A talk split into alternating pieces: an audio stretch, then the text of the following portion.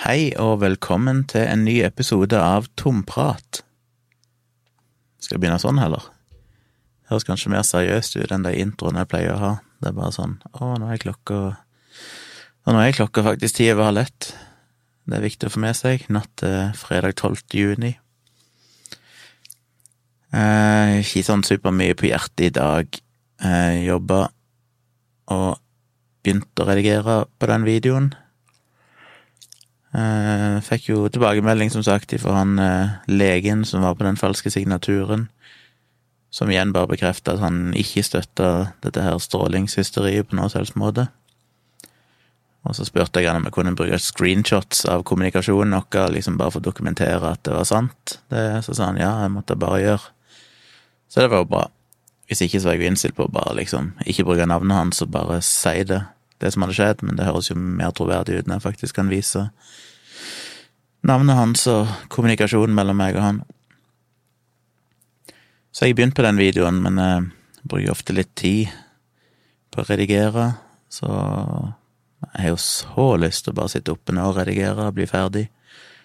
Men jeg må opp tidlig med dette lille UDI-rocka i morgen, så da må jeg komme meg i seng. Måtte bare spille inn podkast først. Meg og Tone har sittet og sett på den 90 Day Wedding, som jo er dødsgøy. på Dplay. Blir like fascinert. Er alltid sånn med sånn reality-greier. Så er det et par episoder, så er du liksom inni det, begynner å bli kjent med personene og begynner å heie på de og like de og mislike de, og så blir en liksom bare fanga i, i det. Men det jeg tenkte jeg skulle snakke litt om, er jo det jeg sa at uh, dette TV-teamet var her i går og filma, så sa jeg at det kom ikke på TV før på nyåret. Så det er jo et stykke fram i tid. Det blir jo rart å se Kyla, da de filma jo hun selvfølgelig, så hvis de har med noen klipp av henne, så blir det rart å se det neste vår, se hvor liten hun var. Se hva som har forandra seg i mellomtida.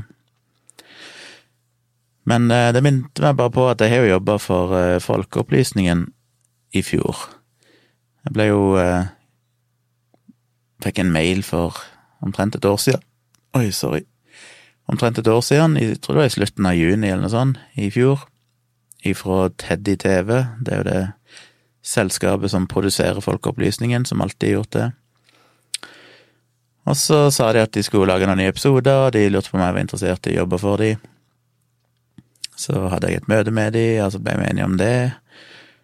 Så da starta jeg i juli i fjor.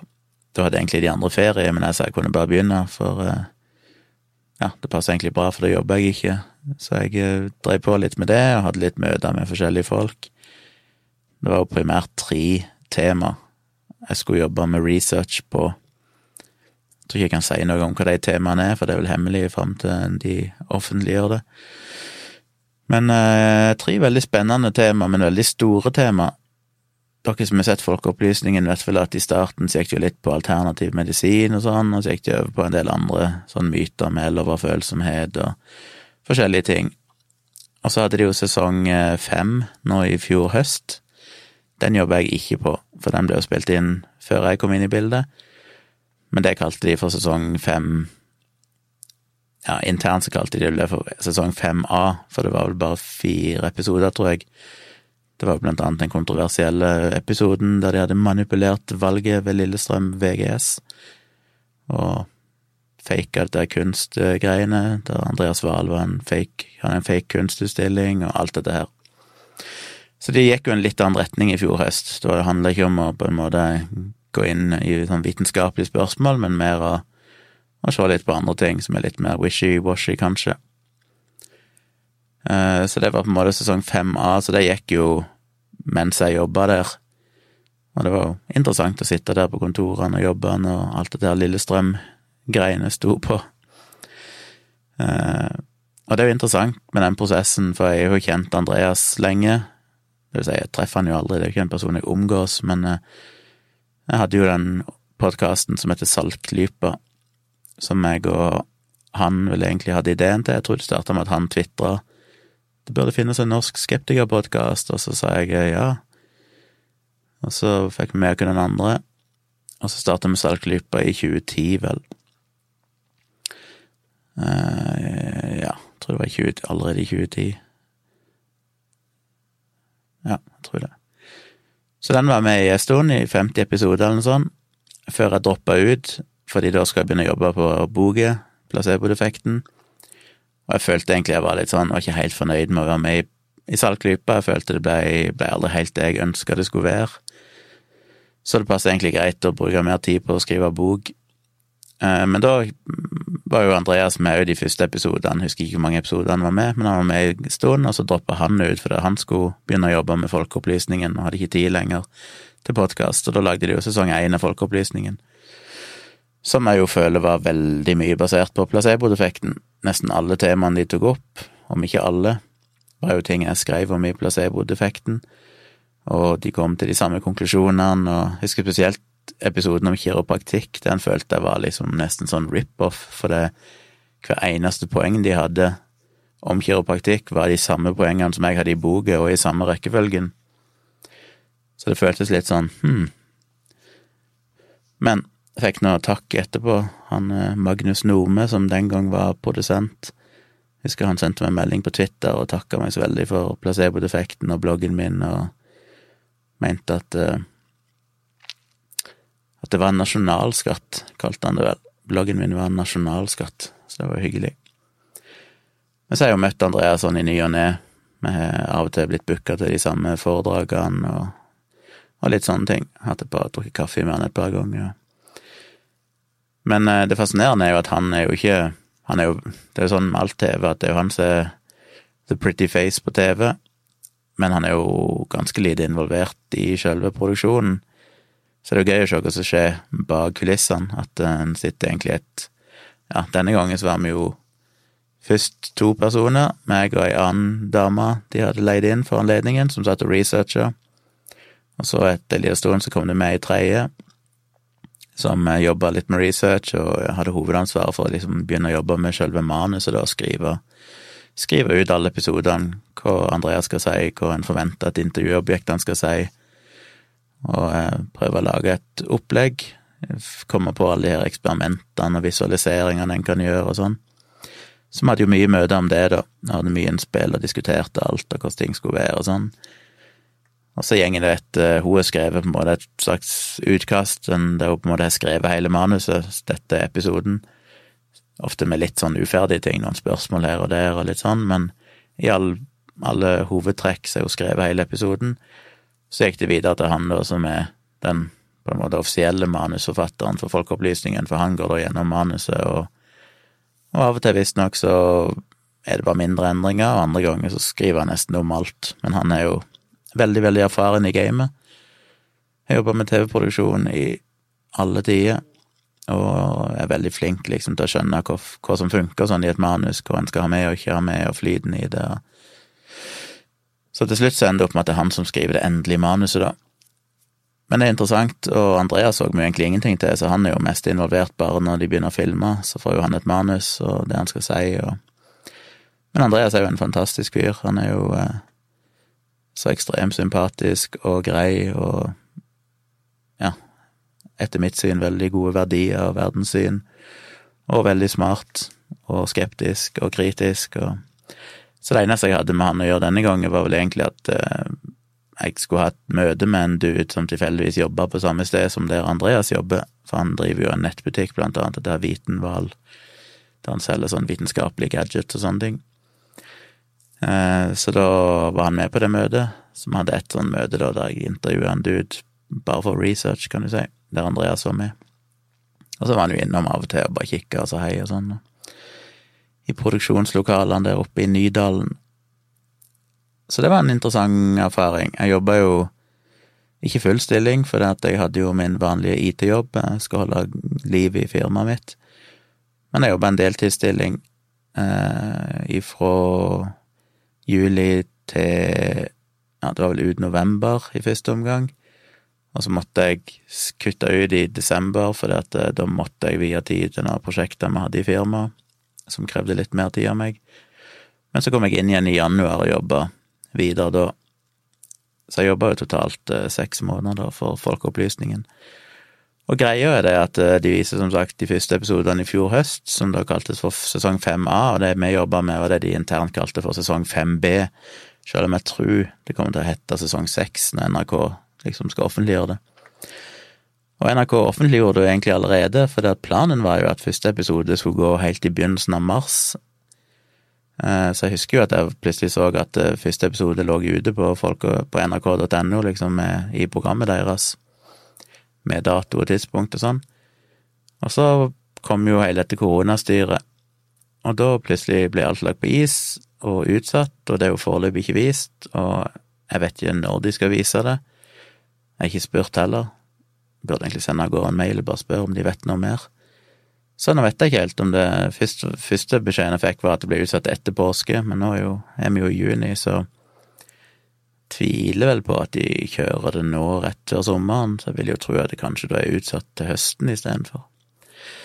Som på sikkert mange måter er en god ting for selskapet, for at, jeg husker jo når Andreas og de, Andreas og Jan Ole Hesselberg og sånn, jobba med de første sesongene av Folkeopplysningen, så husker jeg alltid jeg ble sjokkert, for de kunne liksom jobbe med noe nå, og så kom det ikke på TV før halvannet år seinere og sånn. Og det gikk jo ofte, ja, iallfall månedsvis til et år i snitt før de får de spilt inn ting til det på en måte kom på TV. Men uh, denne gangen var det jo så ekstremt dårlig tid, for vi skulle jo jobbe. Vi begynte jo å jobbe med dette i høst, altså i fjor høst. Og uh, når vi kom til desember, så var jo fortsatt ingenting ferdig, holdt jeg på å si. Det var bare research. Og så kom vi ut i januar, så drev de fortsatt og skrev for manus, og ja, de begynte å filme litt i desember. Så filma de liksom videre i januar og februar parallelt med at eh, en fortsatt drev og jobba med episodene. Så det var skikkelig sånn close call at de skulle ha det klart. De sa jo det var helt Texas, de hadde aldri hatt det sånn før. At det var så dårlig tid. Men da NRK så hadde bestilt flere episoder, og av litt omrokeringer i programmet og sånn, så plutselig så skulle ting skje veldig fort. Men det var jæklig interessant å jobbe med det. Eh, egentlig en slags drømmejobb å bare få betalt for å sitte og gjøre det som jeg liker uansett. Få betalt for å sitte på et kontor med laptopen og bare google og lese studier, lese artikler. Prøve å finne hva som er interessant og hva som er sant. Og det er interessant hvor mye ting endrer seg. Så den ene episoden, når vi først planla den, så var det jo på en måte ja, noen tema vi skulle sjekke. Så var ideen om at det er dette vi skal lage et program om. Men eh, så jeg brukte jo for eksempel hele august, egentlig jobba jo basically bare med å researche det temaet og det er jo så mye research. Det følger jo Jeg tror jeg hadde tolv sider bare med linker, liksom, med referanser til studier og kunne underbygge hver eneste påstand vi kom med, måtte liksom kunne dokumenteres. Men så tok det plutselig en annen retning, for når hun begynte å jobbe med manuset, så fant vi ut at det egentlig så blir det kanskje mer interessant å snakke om noe annet, og så endrer alt seg, så egentlig alt jeg gjorde i august av research, og plutselig egentlig bortkasta. Men det var ikke min feil, men eh, jeg lærte jo mye av det. Så sånn er det jo. Og det er jo interessant når en begynner med disse temaene her, for ett av temaene var sånn De hadde ikke noe Det var ikke noen konkrete ting de skulle ta, det var liksom bare 'dette er temaet', altså det er et eller annet, et felt. Bare finne ut alt du kan om det.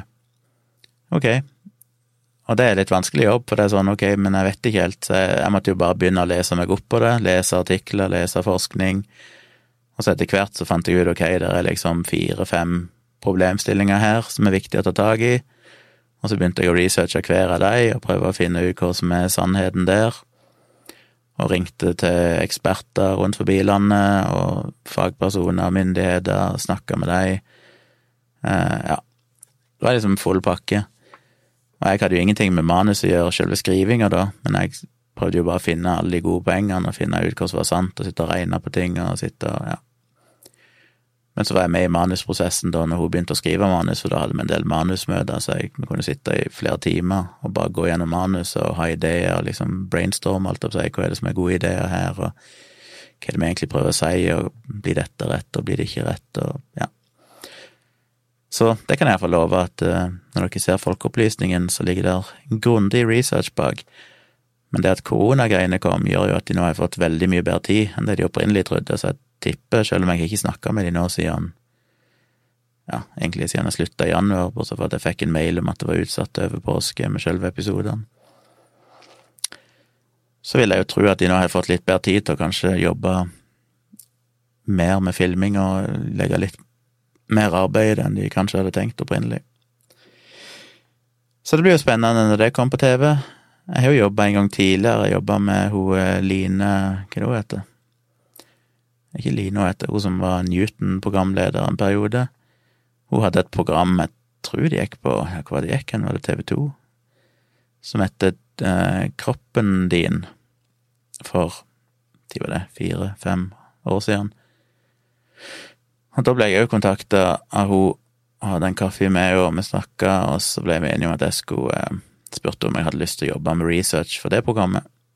Så det jobba jeg med. Det var ikke så lenge, og det var egentlig bare sånn mer sånn frilans, holdt jeg på å si, at eh, jeg var tilgjengelig i et visst antall timer der jeg kunne sende meg mail, og så researcha jeg ting, og så fant jeg hva forskningen viste, og så hadde jeg møte med noen av de forskjellige journalistene der, og kom med forslag til eksperimenter de kunne gjøre for hvordan de kunne på en måte demonstrere forskjellige prinsipper. Så hvis dere har sett Kroppen min på TV 2, eh, så var det mye Ja, så spilte jeg iallfall en brikke i det, da med å komme på noen av de tingene de gjorde på TV, og, og sjekke fakta om ting holdt vann. Og det var jo Mastiff, det produksjonsselskapet hette, som lagde det. Så da var jeg ansatt der i noen få måneder. Eller ikke ansatt, men fikk nå lønna de, sendte timeliste på den tida jeg brukte. Så jeg har jo jobba bitte grann før, men dette var jo nytt for meg denne gangen med Folkeopplysningen, for da satt jeg jo fysisk mesteparten av tida, selv om jeg hadde noen møter og sånn, og hadde bitte grann hjemmearbeid, men mesteparten av tida så måtte jeg møte opp der oppe hos eh, Monday i Nydalen. Det er jo Monday er vel det overordna selskapet som eier både Teddy TV og Feelgood og ja, det er vel en til. Eh, som driver med mye forskjellig og lager veldig mye av det som går på TV Norge og sånn, blant annet alle disse komiseriene og ja, 71 grader nord er vel òg der, tror jeg. Ja, mye forskjellig, iallfall. Så det var ganske interessant å jobbe der, da, for det er jo så mye kjendiser. Kommer opp der og stiger inn, så er det liksom bare Å ja, der er Jon Almaas, og Å ja, der er Harald Eia, ja. Det var liksom bare overalt, så var det bare kjendistryner. Eh, så du må liksom bare late som det er det mest normale i verden, og bare ikke stirre på dem.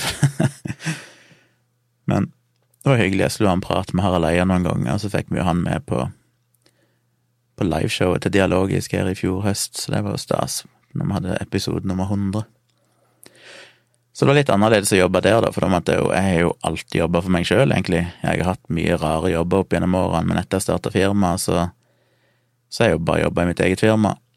Så dette var jo nest, ja, var vel egentlig første gang jeg har sittet på et kontor, på en måte, og jobba for andre mennesker og ha en slags sjef over meg, og måtte ha møter og, og liksom, ja, den litt mer sånn vanlige jobbtilværelsen som folk er, og ikke minst jobbe i team, sitte og jobbe sammen med andre, som vil være det jeg likte minst med hele jobben. Ikke det å jobbe sammen med andre, for de var supergreie og trivelige, de jeg jobba sammen med, fantastiske folk, veldig, veldig flinke, snille, greie, morsomme, ingenting galt, men det er mer det at jeg syns det er slitsomt å sitte sammen med andre. Hadde jeg kunnet sitte på et eget kontor og bare hatt møte av det, så hadde det hjulpet. Men det å sitte på et ganske lite, det er ikke akkurat noe fancy lokale, det er ganske trangt og lite, så vi var tre stykker stua inn på et bitte lite kontor. Jeg hadde ikke kontorstol engang, så jeg satt på en sånn stiv pinnestol med en liten pult trengt inn i et hjørne, sånn at det var plass til nestemann. Jeg måtte strekke en ledning i luft, uh, luftstrekk over halve kontoret for å få strøm til Mac-en min. ganske stusslige forhold. Det jeg syntes var mest fantastisk, var jo kantina, for de hadde kantiner i første etasje, og da var det jo hele bygget med all slags firma som holder til der, ikke bare Monday med alt, alt det TV-greiene, med under sånn IT-selskaper og alt mulig. Og det syns jeg er så luksus, selv om de andre var der, de klagde jo alltid på maten, var sånn å, dette og jeg bare tenkte hæ, klage på maten? Jeg syns jo hver eneste dag var det jo bare helt fantastisk. For da hadde de jo sånn du kunne velge mellom lage din egen salat med masse greier, og de hadde noen påsmurte greier, og, men de hadde jo et par-tre valg med varmmat som du kunne få hvis du ville heller ha det. Og jeg syns jo det bare var Jeg er ganske enkel i matveien, så hvis noen lager noe varmmat, om det så er pizzastykker eller kjøttkaker eller fiskekake, eller whatever, så syns jeg bare sånn oi, shit, dette er jo luksus. Lasagne og alt mulig rart. Så jeg syns jo det var så fantastisk å spise i kantina der, selv om alle de andre bare satt og klagde hele tida. Eh, og det var nok òg det jeg syntes var mest stress, det var jo den kantina, å sitte med et langbord og måtte forholde seg og hilse på folk, og jeg syns jo ikke sånt det er noe trivelig i det hele tatt. Og jeg sitter ganske stille og bare spiser, og jeg er mer glad i å bare sitte og lytte på andre enn å prate så mye sjøl. Så det, da merker jeg jo det at jeg er glad jeg har det firmaet jeg har, og bare kunne jobbe for meg sjøl, og ha mine kollegaer i andre deler av landet der vi bare kommuniserer via nettet. Fordi jeg er ikke laga for å sitte og være sosial og jobbe sammen med andre. Men det var greit en periode, da. Og ja. Så jeg har vel lest alle tre manusene. Jeg tror de kom med fire episoder, men en av de har jeg ikke hatt noe med å gjøre, for den var det ikke noe research på, for jeg tror det er en slags episode de bare klipper sammen av noen gamle greier de hadde. Så jeg skjønte det riktig, jeg vet ikke helt. Men de tre episodene som jeg jobba med, har jeg lest manusene på, og så er jeg jo spent på hvor mye som endrer seg etterpå, for nå har de jo hatt så mye mer tid, så det kan være de begynner å skrive om ting og sånn. Men jeg er jo veldig spent på å se det endelige resultatet. Jeg har jo ikke sett noen ting av filminga eller noen ting sånn.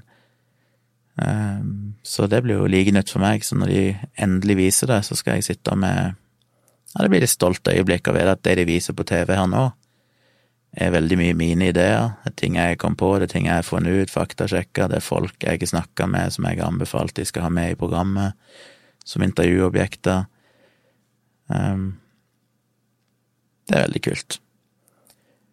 Så det gleder jeg meg til. Da skal jeg sitte med glass cola, kanskje jeg skal driste meg til en, et glass med portvin, og sitte og og være litt stolt over å se de episodene, se hvordan det endte opp til slutt, og tenke hvor det begynte hen med researchen, der han bare starta med ingenting og ikke visste hva programmet skulle handle om, og så bare pusla sammen alle bitene.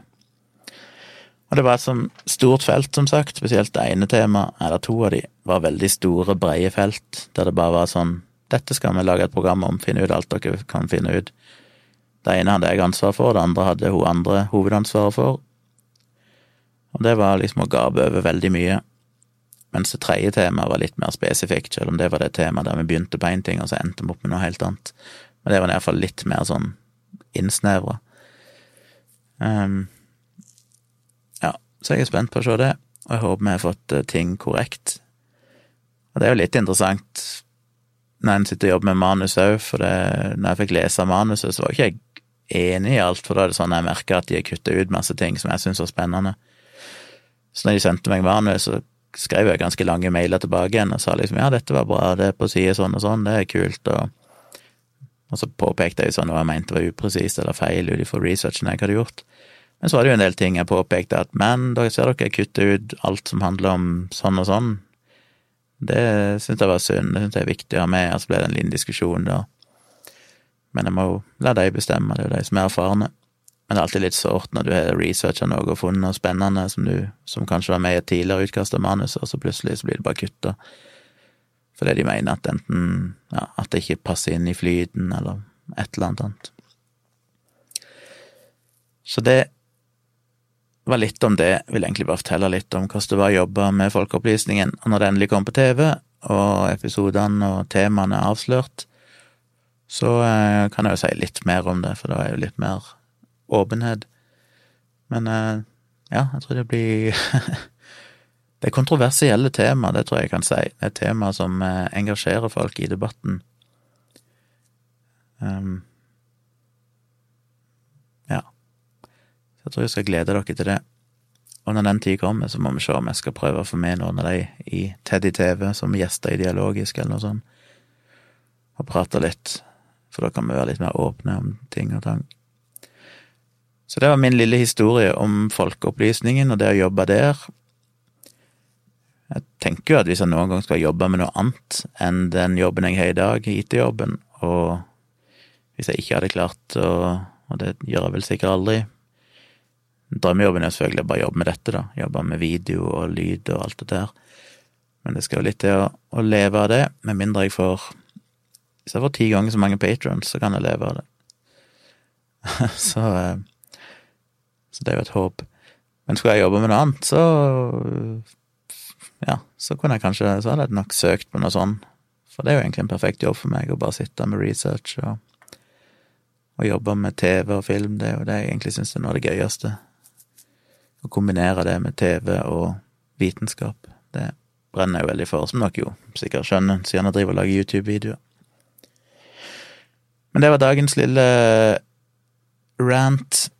Jeg gleder meg så til å gjøre ferdig videoen, eh, for jeg har en del ideer. Jeg har lyst til å jobbe med det nå, men hvis jeg begynner nå, så blir jeg sittende oppe i hele natt, og det kan jeg ikke. Så jeg før Å, jeg blir så stressa det. Det er sånn altfor lite tid, så må jeg jobbe i morgen, og så kommer jeg etter jobb, så er jeg sikkert litt sliten, og så har jeg lyst til å jobbe med video, men så har jeg jo siste lesing av placeboeffekten. Og da må jeg jo igjen bare håpe at dere stiller opp klokka halv ti fredag kveld. Det er sikkert et utrivelig tidspunkt for mange, men eh, hvis dere kan sette av en halvtime og følge meg på livestreamen, så blir jeg veldig, veldig glad. Fordi det er liksom avslutningen, og det er ikke noen spoilers i siste kapittel, så selv om ikke dere har fått med dere tidligere, og ikke eventuelt har tenkt å lese bok eller whatever, så er det ikke noen spoilers. Det er jo bare en liten oppsummering av noe som er fag. Det er ikke en, ja, det er ikke en skjønnlitterær ting, så, så det spoiler ingenting om dere hører siste, siste kapittelet, som er ganske kort. Men det hadde vært hyggelig om dere ville dele det med meg. Så får vi se om noen av dere har tid til det. Um, ja. Så skal jeg få lagt ut eh, samboerprat-link når det er klart. Det blir vel sannsynligvis på fredag Nei, på fredag, på søndag kveld. Men da høres vi igjen i uh, morgen kveld, regner jeg med, og hvis jeg er heldig, så får jeg ut en video i morgen. Men kanskje ikke rekker det før lørdag. Får se. Snakkes.